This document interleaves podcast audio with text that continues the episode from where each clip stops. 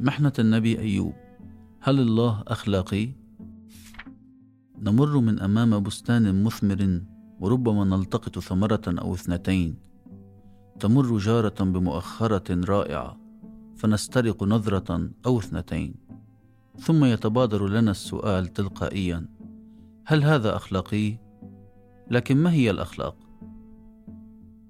إن كلمة الأخلاق فعلا فهي من الكلمات التي يجب إضافتها إلى كلمات أخرى لتحتفظ بالمعنى.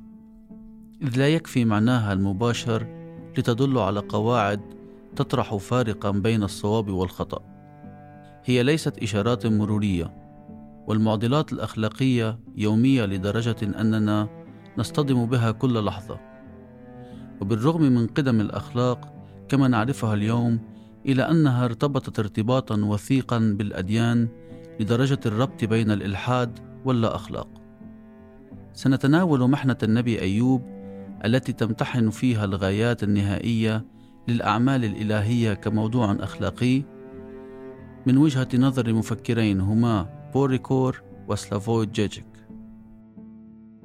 النبي أيوب يضم الكتاب المقدس العهد القديم صفرا كاملا باسم النبي أيوب من 42 إصحاحا وبينما يكون أيوب في العهد القديم شخصا انفعاليا يقارب الشخص الطبيعي بردود أفعاله يشرب الخمر ويجدف أحيانا بالرب خالقه يختلف الأمر في القرآن فيرد ذكره في موضعين فحسب بالرغم من تشابه جوهر القصة في الكتابين.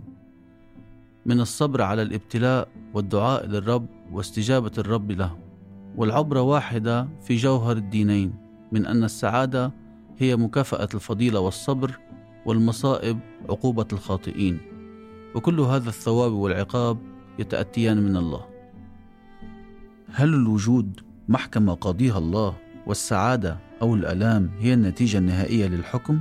هل الله أخلاقي؟ لقد أهملت الفلسفة المعاصرة الأخلاق كما يقول بيير هادوت في كتاب ما هي الفلسفة ويشرح في مقابلة معه أن مجالها الحيوي كما يرى سبينوزا أيضا هي الميتافيزيقيا. ويقول إن الفلسفة أي فلسفة لها ثلاثة أجزاء. المنطق الفيزياء والأخلاق لكن الواقع يقول أنها ثلاثة أجزاء مزدوجة. فهناك منطق نظري فيزياء نظرية وأخلاق نظرية وبالتالي منطق حي. فيزياء حية وأخلاق حية. وبالرغم مما تبدو عليه هذه الفكرة من براغماتية مقصودة إلا أنه يخلص في النهاية إلى أن الأخلاق تعني العيش من دون الخوف من الآلهة. الآلهة التي تمثل بحسب وجهة نظر الأديان الأخلاق الصافية النقية أو الكمالية في الأخلاق. الأخلاق هي ما يتبقى في العقل البشري بعد زوال الدين برمته. لكن هل حقا الله كما يبدو لنا في أعماله التي يتحدث فيها عن نفسه على لسان أنبيائه على الأقل أخلاقي؟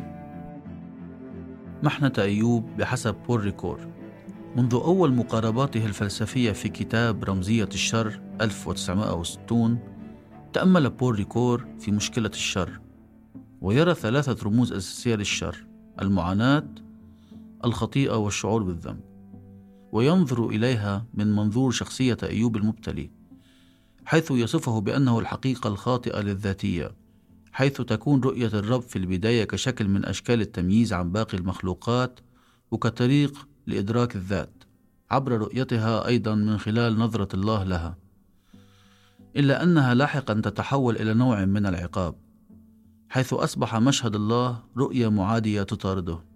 فالله الذي يقوم بوضع كل تلك الاختبارات والعذابات المتتالية بغرض تفحص إيمان نبيه يتحول إلى كابوس يجعل نبيه إنسانا مذنبا على الدوام. وإذا فهمنا كما يقول ريكور نوايا الرب كنوايا أخلاقية بحتة واعتبرنا كتابه المقدس عبارة عن رؤية أخلاقية للحياة تصبح حياة أيوب هنا عبارة عن عقاب مستمر وغير عادل. تظهر قصة أيوب انهيار الفهم الديني للوجود باعتباره محكمة قاضيها الله والسعادة أو الآلام هي النتيجة النهائية للحكم لكن في حالته يظهر شر يتجاوز الشر الذي يفترضه القصاص حيث تصطدم أخلاق الإنسان بأخلاق الله لأن ما يحدث هنا عبارة عن خلاف بين الله كمشرع لقوانين أخلاقية لا يلتزم بها بالطبع ويتوقع من نبيه أن يلتزم بها. تنفتح هنا حفرة إيمانية بين الرب الخالق والرب الأخلاقي، حيث تتم استعادة الخطايا السابقة على خلق أيوب للناس أجمعين، لكن أيوب يرفض هذا التفسير ويدخل بعدا جديدا للإيمان، الإيمان الذي لا يمكن التحقق منه، لا عبر التبرير ولا عبر الإجابات العقلانية. الإلحاد لا يستنفذ نفسه في إنكار الدين وتهديمه بل إنه يمهد الأرض لإيمان جديد لأن الدين القائم على الخوف من عاقبة الله أو الرغبة في ثوابه هو الدين الأخلاقي الذي هو أساس المنع والإدانة والإله الإلهي مصدر الالتهامات والمحن ومصدر الحماية والثواب ووفقا للفيلسوف بول ريكور فإن موت الإله الأخلاقي يمكن الانتقال إلى نوع جديد من الإيمان، إيمان مأساوي طاهر. يربط ريكور مرة ثانية بين أزمة أيوب لتفهم أخلاق الله وبين الإلحاد الجديد الناشئ في الفلسفة في ذلك الوقت، حيث يدافع عن الأهمية الدينية للإلحاد قائلا: الإلحاد لا يستنفد نفسه في إنكار الدين وتهديمه، بل إنه يمهد الأرض لإيمان جديد. لأن الدين القائم على الخوف من عاقبة الله أو الرغبة في ثوابه هو الدين الأخلاقي الذي هو أساس المنع والإدانة. والإله الإلهي مصدر الاتهامات والمحن. ومصدر الحماية والثواب. ووفقا لريكور فإن موت الإله الأخلاقي يمكن الانتقال إلى نوع جديد من الإيمان. إيمان مأساوي طاهر ويعيد التذكير بأزمة الإله الأخلاقي التي أصابت أيوب. فيقول بهذا الصدد من المهم أن نلاحظ أن أيوب على الرغم من انتقاده الشديد للرب بقي مرتبطا به وانتقاداته هي مجرد شكاوى محب. أيوب وسلافوي جيجيك كانت محنة أيوب مع الرب الأخلاقي معضلة طويلة بالنسبة لجيجيك اعتبر فيها أيوب كمسيح أو كبش فداء للإنسانية جمعاء في البداية. فيرى أن ثمة طابع ثوري لأيوب في سفره. من حيث كونه ضحية تتحدث وتعترض وتنتقد عدالة الرب الظالمة حيث تظهر في الكتاب نفسه وجهة نظر الجاني والضحية جنبا إلى جنب. ويرى في أيوب مسيحا أقدم من المسيح أو هو المسيح الأول. بعدما يقارب عشر سنوات يضيف بضع صفحات إلى الفكرة حيث يقول إن الرب في اختباره لأيوب يقوم بما يشبه عروض هوليوود السخيفة من استعراض لقدراته الفارغة من استعراض صرف للسلطة كما يؤكد مجددا على عظمة أيوب في عدم استغلاله للمعنى الكامن خلف محنته. فهو أول شخص مادي في الحياة بتقبله تقلباتها دون بحث عما ورائها لا حقا يعيد جيجيك التأكيد على هذه الفكرة لكن هذه المرة من داخل الإله نفسه حيث الله أيضا لغز في الداخل ويرفض قبول فكرة المحنة أو الاختبار الإلهي أي منح المعنى لأي تجربة يمر بها الإنسان مما يستلزم التخلص من فكرة الله الأخلاقي أو المعلم السري الذي يمنح معنى لكل شيء ويكون له مخططات سرية خلف كل مصيبة. الحب هو دائما الحب للآخر بقدر ما يحتاجنا. نحن نحب الآخر بسبب محدوديته وإذا أحببنا الله فلأنه غير كامل وغير متناسق فالموقف الديني الحقيقي يتمثل في محبة الله عاجزا وغير مكتمل وليس القدرة التي تدير العرض بأكمله. قراءة في أخلاق الله. بين أيوب ريكور وأيوب جيجيك يمثل ريكور وجيجيك استجابتين مختلفتين لفكرة المحنة غير العادلة بمقاربتهما.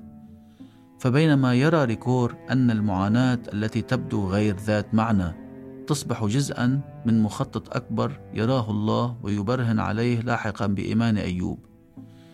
يرى جيجيك الأمر من وجهة نظر مقاومة وثورية. فلا يستطيع القبول بأن يكون ثمة معنى خفي خلف هذه المعاناة. وهذا ما يقود أيضا للتناقض الثاني حيث يرى ريكور أن أيوب يتعلم عبر محنته أن الله غامض غير قابل للتحليل أو الإمساك بغاياته أي أنه لغز. هذا ما يوافقه عليه جيجك لكنه يضيف بأن أيوب قد اكتشف هذا اللغز وهو أن الله عاجز وغير كامل بشكل ملحوظ. كما أن فكرة الحب الذي يشعر بها المؤمن وهو هنا أيوب للرب مختلف عليها بشكل كلي.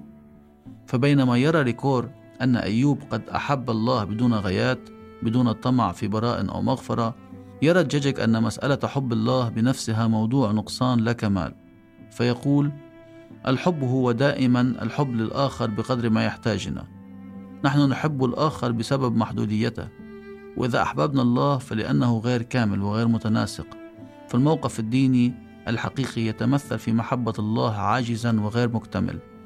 وليس القدرة التي تدير العرض بأكمله.